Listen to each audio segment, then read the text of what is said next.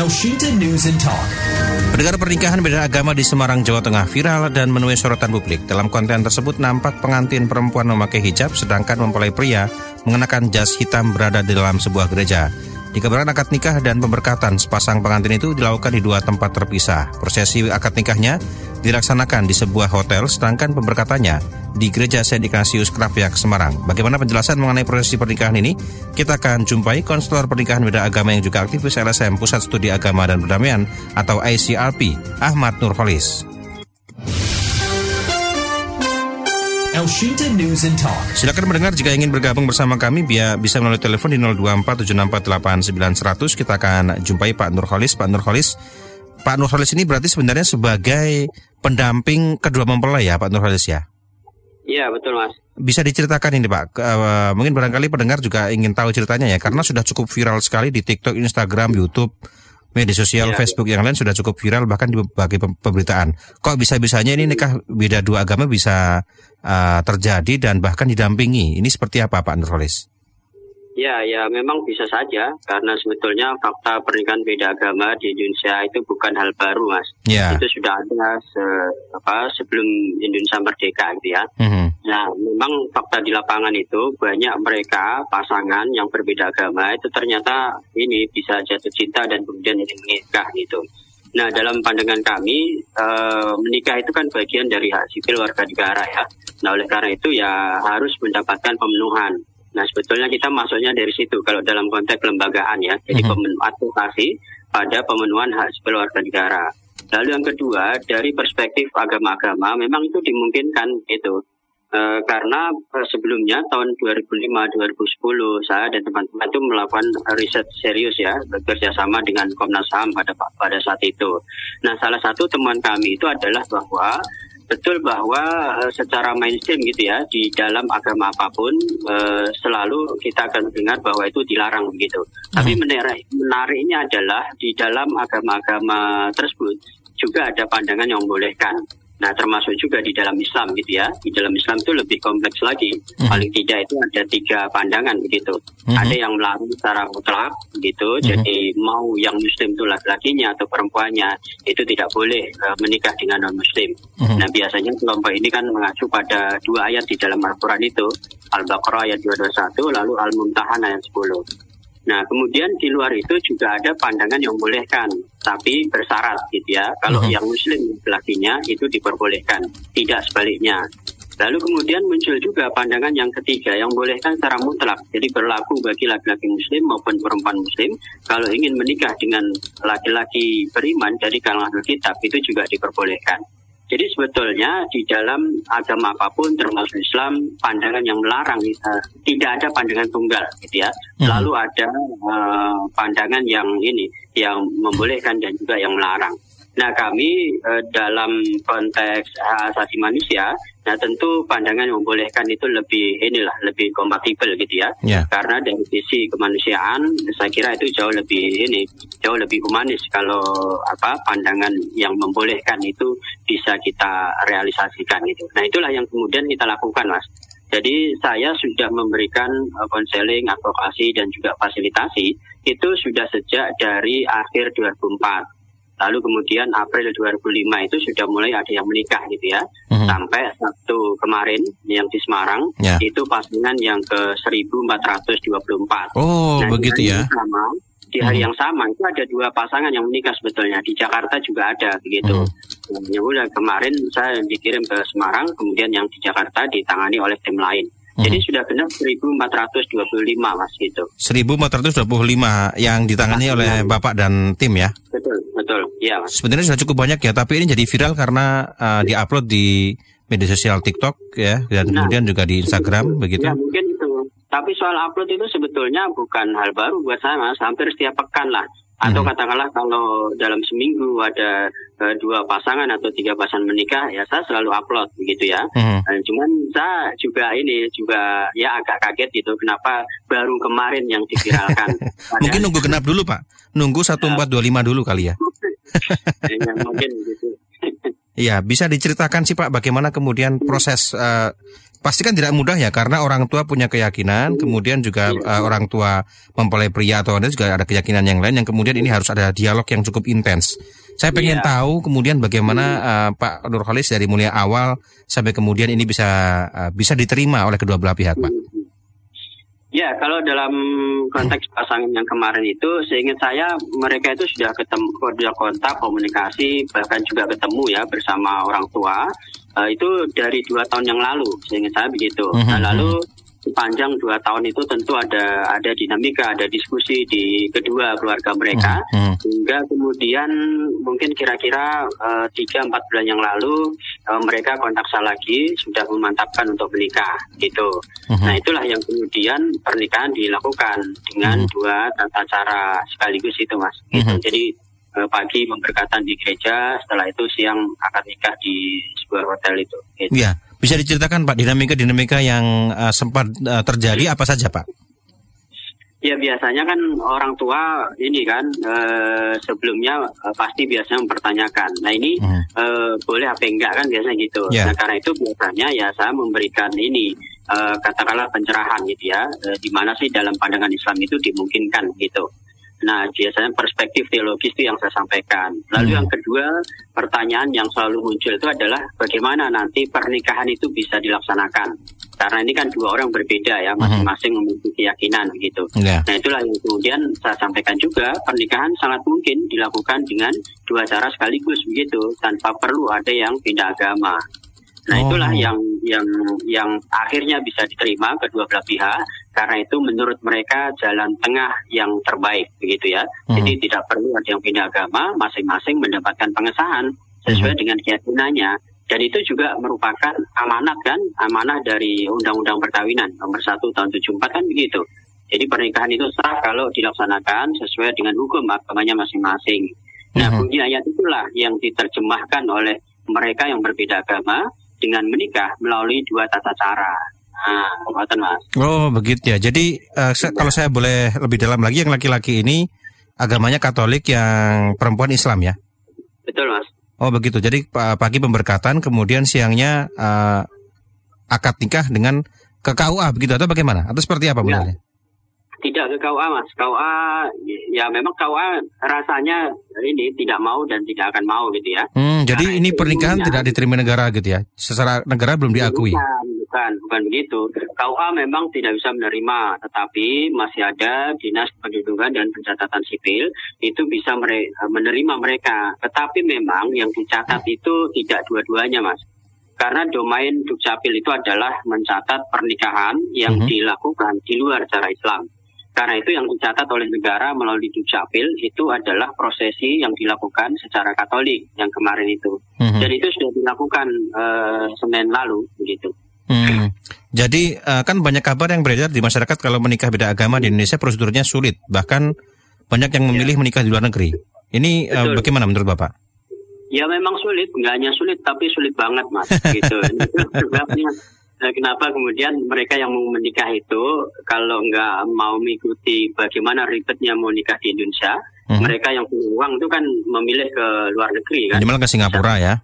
Ya ke Singapura, ke Bangkok, ke Aussie atau ke Hong Kong misalnya. gitu. Hmm. Oh begitu ya. Berarti kalau saya konfirmasi ini berarti setelah pernikahan dilakukan, eh, kalau mungkin dalam secara Islam nikahnya eh, akad nikah terjadi tapi tidak di ada KUA berarti bisa dikatakan secara Islamnya nikah siri gitu ya. Ya kalau siri dipahami sebagai pernikahan yang tidak dicatatkan ke KUA itu iya. Mhm. Tapi sebetulnya makna siri, siri itu kan artinya rahasia ya. Atau per- kalau nikah siri ya berarti pernikahan yang dirahasiakan. Tetapi pernikahan kemarin dan juga pasangan-pasangan yang lain sebelumnya itu ya tidak lagi masuk kategori pernikahan siri sebetulnya karena yang hadir itu kan nggak hanya saksi tapi juga kedua keluarga ya. Mhm. Kalau yang Muslim tadi sudah cukup jelas ya, Bapak menyampaikan ada tiga hal dasar, ada yang boleh bersyarat, ada yang tidak boleh, dan kemudian ada yang boleh secara mutlak dengan Ya. masing-masing ada syaratnya ya, begitu ya. Tapi kalau kemudian eh, bagaimana kemudian merasionalisasi bagi yang bukan yang Muslim dari yang Katolik ini bagaimana Pak? Yang Katolik juga itu jauh lebih ini lebih rumit uh, sepertinya di dalam hukum gereja Katolik mas. Jadi hmm. gereja Katolik itu memberikan ruang bagi dimungkinkannya pernikahan antara Katolik dan non Katolik. Hmm. Gereja akan memberikan dispensasi kepada mereka sehingga tetap bisa mendapatkan pemberkatan kita, gitu. Hmm, ada. Nanti di agama lain juga begitu mas. Misalnya di Protestan ya, meskipun semua sinode atau semua denominasi begitu, tetapi hmm. e, dari tahun ke tahun itu semakin banyak gereja dan juga pendeta yang mau mengakomodir pernikahan antara Kristen dan non Kristen gitu. Hmm, ya. Uh, ini sudah pengalaman yang ke 1425, yang ke seribuan hmm. lebih begitu ya. Uh, kenapa kemudian Pak Nurholis memilih jalan ini, Pak Nurholis? Ya sebetulnya tidak direncanakan dari awal mas. Ini ya. kan karena saya juga tidak tahu ya. Memang dari tahun 2000-an itu saya sudah concern di isu ini begitu. Hmm. Dulu juga saya mungkin sama seperti orang-orang yang sekarang uh, katakanlah membuli saya di media sosial gitu ya. Yeah. Iya. Dulu saya tahunya juga itu dilarang gitu waktu mm. masih belajar di pesantren di madrasah gitu. Mm. Cuman kan saya tidak pernah berhenti belajar kan sampai sekarang saya masih sekolah gitu. Mm. Nah lalu kemudian terutama pada saat diberi kesempatan riset oleh Komnas HAM, nah itu saya manfaatkan betul-betul gitu mas. Mm. Jadi saya membuka lagi literasi klasik di dalam Islam lalu kemudian kalau untuk yang non Muslim juga saya wawancara dengan pendeta, dengan pastor, dengan biku, eh, dengan pemangku, gitu, pedanda gitu ya. Nah itulah mm-hmm. yang saya dapatkan itu. Dan itu sudah diterbitkan eh, bahkan sudah dua kali gitu ya, tahun 2005 dan 2010 oleh Komnas HAM. Dan mm-hmm. buku itu yang di antaranya menjadi pegangan bagi mereka yang akan menikah berbeda agama gitu. Jadi memang eh, apa ini salah satu concern saya, terutama memang uh, kenapa sih mau menikah saja dipersulit gitu ya. Hmm. Lalu kemudian yang kedua, ternyata saya juga bisa mendapatkan ini uh, justifikasi teologisnya begitu. Karena ternyata itu tadi seperti yang tadi saya sampaikan, uh, hampir semua agama juga ada pandangan yang membolehkan. Nah inilah yang hmm. kemudian uh, apa yang saya lakukan terhadap mereka yang berbeda agama, yaitu tidak tidak salah-salah amat kira-kira gitu. Bahkan kita bisa mengatakan bahwa itu boleh begitu uh, hmm. berdasarkan uh, teologi masing-masing di setiap agama. Hmm. Kalau menikah itu kan biasanya uh, tujuannya adalah selain mereka memang saling uh, cinta begitu dan ingin dilegalkan hmm. hubungannya adalah uh, ingin membeli keturunan. Nah ini Betul. sudah ada kajian sampai ke arah sana bagaimana kemudian nanti anak-anak hasil pernikahan yang beda agama ini bagaimana Pak? Apakah sudah ada kajian dan sudah dipikirkan Pak Nurholis? Sudah sebetulnya beberapa lembaga itu hmm. salah satunya ada peneliti dari Yayan Gorontalo ya. ya. Itu sudah beberapa kali melakukan riset terkait dengan bagaimana anak-anak jadi pasangan beda agama. Hmm. Nah kalau saya berdasarkan observasi catatan ya, ya. informasi yang diberikan dari sekian eh, seribu sekian itu mereka yang berbeda agama, nah itu uh, memberikan inilah lalu memberikan bagaimana sih mereka mendidik anak-anak anak-anak uh, dari hasil pernikahannya gitu ya. Dan itu, itu memang ada beberapa varian mas. Tetapi paling tidak kalau saya boleh menyampaikan ada tiga model bagaimana pasangan beda agama itu mendidik anak-anak mereka, terutama terkait dengan agama gitu ya. Uh-huh. Yang pertama ada model ala ini uh, dulu tuh ada ini kan Jamal Mirdad dan Lydia Kando. Nah itu mereka mendidik anaknya melalui perjanjian. Jadi kalau laki-laki itu ikut agama ayahnya, kalau perempuan ikut agama ibunya. Nah ini banyak juga dilakukan oleh pasangan yang berbeda agama begitu. Uh-huh. Lalu ada juga model yang kedua di mana mereka uh, ini uh, agama itu didasarkan pada ini urutan lahir gitu. Misalnya uh, anak pertama lahir nanti ikut agama siapa, yang kedua ikut siapa gitu. Hmm. Nah, yang lebih banyak itu dan menurut saya ini sesuatu yang menarik ya buat saya. Yeah. Ya. Uh, mereka pasangan beda agama ini memperkenalkan dua tradisi agama sekaligus pada anak-anak mereka sampai hmm. nanti mereka sendiri bisa uh, memilih atau melanjutkan yang mana begitu. Nah, hmm. model yang ketiga ini ini dianggap lebih fair gitu ya, baik bagi kedua pasangan atau pasangan suami istri ini uh, dan juga untuk anak-anak mereka begitu karena diberikan kesempatan untuk bisa mengenal ajaran sesuai dengan orang tuanya. Uh-huh. Lalu yang kedua juga kenapa mereka memilih itu? Nah itulah cara mendidik anak-anak dengan uh, model dengan cara memperkenalkan uh, keragaman atau perbedaan di lingkungannya gitu ya dari lingkup yang paling kecil bernama uh, keluarga gitu. Nah lalu mereka juga terutama anak-anaknya yang sudah besar gitu ya, yang sudah 10 sampai 15 tahun, bahkan sudah ada yang 17 tahun. Nah, mereka juga uh, menilai bahwa uh, cara yang mereka lakukan itu justru uh, memberikan ini sisi positif bagi anak-anak mereka. Hmm. Karena mereka dari kecil sudah bisa mengenal perbedaan sehingga kemudian tumbuh menjadi orang yang beragama secara inklusif bahkan juga pluralis ya. Atau kira-kira kalau bahasa Kemenang sekarang tuh moderat lah. Nah, itu mas. Gitu. Hmm, begitu ya. Tapi ya. ada sebagian yang mengkhawatirkan uh, kebingungan di antara anaknya. Ini bagaimana Pak agar kemudian anak-anak nah, ini tidak kebingungan? Yang saya belum menemukan fakta itu. Oh ya. Yang bingung itu justru orang lain mas, tetangganya, temannya atau gurunya gitu ya. ya. Hmm. Itu seperti itu. Kalau anak-anak ini, uh, menurut saya kita memang tidak ini ya nggak bisa underestimate pada anak-anak kita. Saya kira mereka itu jauh lebih cerdas menurut saya, uh-huh. jauh lebih wise dalam melihat perbedaan. Itu yang saya sendiri juga tidak menyangka begitu. Bahkan keluhan yang sering disampaikan oleh orang tua uh, dari pasangan beda agama itu justru mereka uh, mengeluhnya itu begini kami itu kan sudah berusaha untuk mendidik anak dengan cara memperkenalkan perbedaan, terutama agama gitu ya. Uh-huh. Tetapi sampai di sekolahan itu dirusak kembali oleh gurunya. Nah kata mereka begitu mas. Kan hmm. kalau di rumah kan yang ditekankan itu adalah bahwa kita memang memiliki perbedaan. Setiap agama memiliki keunikan, kekhasan begitu ya. Hmm. Tapi bukan berarti di dalamnya itu ada sejumlah persamaan. Itulah yang disebut sebagai titik temu begitu. Hmm. Jadi artinya adalah orang tua ini dan itu yang kemudian di, dipraktekkan oleh anak-anak mereka. Mereka bisa menghargai, menghormati, uh, keyakinan orang lain yang berbeda. Tapi begitu di sekolah kan doktrinnya bisa berbeda kan. Guru-guru kita di sekolah kan doktrinnya agama kita yang paling benar.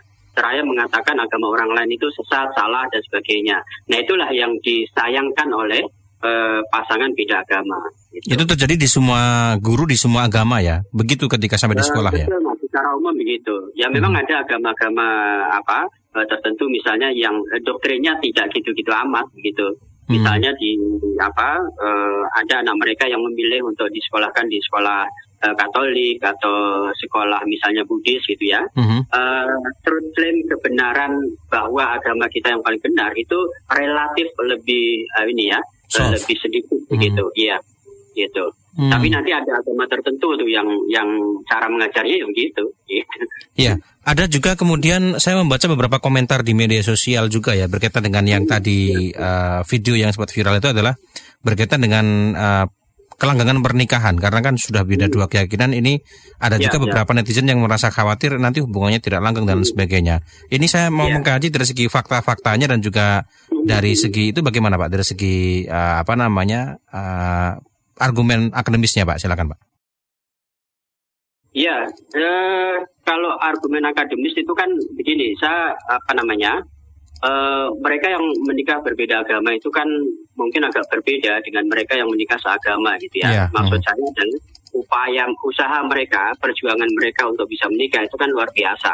Uh-huh. Dan itu panjang kan gitu. E, memang antar pasangan bisa berbeda-beda. Ada yang setahun, dua tahun, bahkan ada yang 20 tahun baru bisa menikah. Nah oleh karena itu, ketika mereka menikah, effort dalam menjaga kelanggengan rumah tangga itu jauh lebih tinggi mungkin dari mhm. pasangan uh-huh. yang sama gitu ya. Uh-huh. Jadi mereka bila-bilain betul bagaimana eh, menjaga kelanggengan rumah tangga itu. Ya karena itu kalau dilihat dari angkanya dari sekian banyak yang sudah menikah itu ya hanya sedikit. Memang saya perlu sampaikan juga ada yang akhirnya harus berpisah gitu.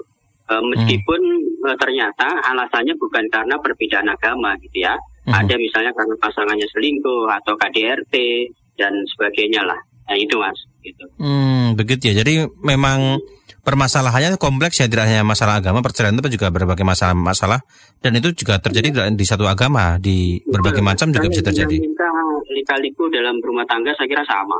Mau seagama mau beda agama sama sih menurut saya mas. Mm-hmm. Cuman tambahannya yang bagi yang berbeda agama itu ya lebih kompleks saja gitu karena itu tadi kan masyarakat kita tidak semuanya bisa menerima keberadaan mereka ini gitu. Mm-hmm. Jadi memang baik tantangan maupun tantangan yang dihadapi oleh pasangan berbeda agama ya seumur hidup. Bahkan mungkin sewaktu mereka udah meninggal itu yang hidup masih ngomongin bisa jadi begitu. Iya. Yeah. Mm-hmm. Nah itu bagaimana uh, Pak uh, Nurholis sendiri memberikan penguatan keyakinan kepada dua pasangan ini agar kemudian dia siap ketika nanti berbaur kembali ke lingkungan masyarakat ada berbagai macam apa namanya cibiran dan sebagainya ini apalagi juga dari keluarganya sendiri, bahkan ini bagaimana Pak? Ya, oleh karena itu kan yang selalu saya tekankan ke mereka itu adalah keduanya harus satu keyakinan gitu ya satu keyakinan yang saya maksud itu perbedaan agama itu nggak ada masalah gitu ya uh-huh. tetapi harus satu keyakinan keduanya harus sama-sama yakin bahwa dalam agama masing-masing itu diperbolehkan gitu. Hmm. Jadi secara secara teologi, secara spiritual mereka itu benar-benar sudah mantap gitu mas. Yeah. Sebab kalau masih bimbang, ya itu bisa menjadi persoalan gitu. Hmm. Jadi misalnya ini sebetulnya boleh apa enggak sih? Tapi karena sudah kandung cinta nggak bisa pisah gitu ya. Hmm. Bahkan di antara mereka juga ada yang pisah lalu mencoba menjalin asmara dengan yang lain yang seagama gitu. Hmm. Tapi ternyata itu tidak bertahan lama. Lalu balik lagi, balik lagi. Nah itu banyak mas pasangan seperti itu. Nah, oleh karena itu yang selalu saya tekankan adalah uh, keyakinan bahwa kita bisa menikah berbeda agama, lalu bisa mengelola perbedaan yang ada. Nah, itulah yang terpenting begitu. Hmm. Lalu yang kedua adalah siap mental. Itu udah otomatis, nggak bisa enggak, Mas. Hmm. Jadi siap mental dulu terhadap berbagai tantangan dan tentangan yang kelak akan diterima oleh mereka. Dan itu selalu saya sampaikan itu seumur hidup mas, saya bilang begitu ke mereka ya. Mm-hmm. Karena sampai pokoknya sepanjang kita masih hidup dan sepanjang di lingkungan kita itu masih banyak orang yang belum bisa menerima pernikahan beda agama, ya selamanya kita akan selalu diomongin orang, disipir orang, disipir orang dan sebagainya. Tetapi ya ya ya eh, anggap saja saya bilang nggak usah dibaperin gitu ya. Ya hmm. memang kadang-kadang awal-awal kita menikah itu berasa banget gitu. Yeah. Ya. Uh, kini, kini amat sih kira-kira gitu gitu ya. nah uh, nah itu jadi benar-benar harus siap mental gitu mas. Hmm. Nah lalu yang ketiga ya biasanya saya uh, sarankan mereka untuk bergabung di komunitas-komunitas beda agama. Hmm. Nah kebetulan ada pas beberapa pasangan senior itu membuat grup salah satunya di WAG. Ada keluarga bineka namanya, itu yang dibuat oleh salah satu pasangan senior. Nah, teman-teman beda agama itu kumpul di sana, Mas. Mm-hmm. Nah, itu dalam rangka supaya pertama begini, mereka yang menikah berbeda agama itu tidak merasa sendirian gitu ya. Mm-hmm. Karena punya komunitas di situ ratusan pasangan bergabung di situ. Lalu yang kedua ya tempat berbagi, tempat berbagi cerita begitu. Yeah. Misalnya mereka ada apa dinamika, ada kendala apa, mereka bisa saling support lah di situ gitu. Sama persis seperti kebetulan pasangan yang kemarin itu juga memang anggota dari grup tersebut. Ya, jadi dari awal mereka mereka mau menikah sampai kemudian sudah menikah jadi viral. Nah itu ya ini menjadi perbincangan lah. Ya teman-teman saling memberikan support di grup tersebut. Hmm, baik, terima kasih Pak Nurholis sudah berbincang bersama El Sinta ini menjadi barangkali satu wawasan baru buat pendengar juga ya uh, dengan berbagai penjelasan. Sebenarnya ada banyak yang perlu kita jelaskan, tapi karena keterbatasan waktu, terima kasih Pak Nurholis. Sehat selalu Pak Nurholis ya. Selamat siang. Selamat siang. Demikian mendengar konselor pernikahan beda agama yang juga aktivis LSM Pusat Studi Agama dan Perdamaian atau ICRP Ahmad Nurholis.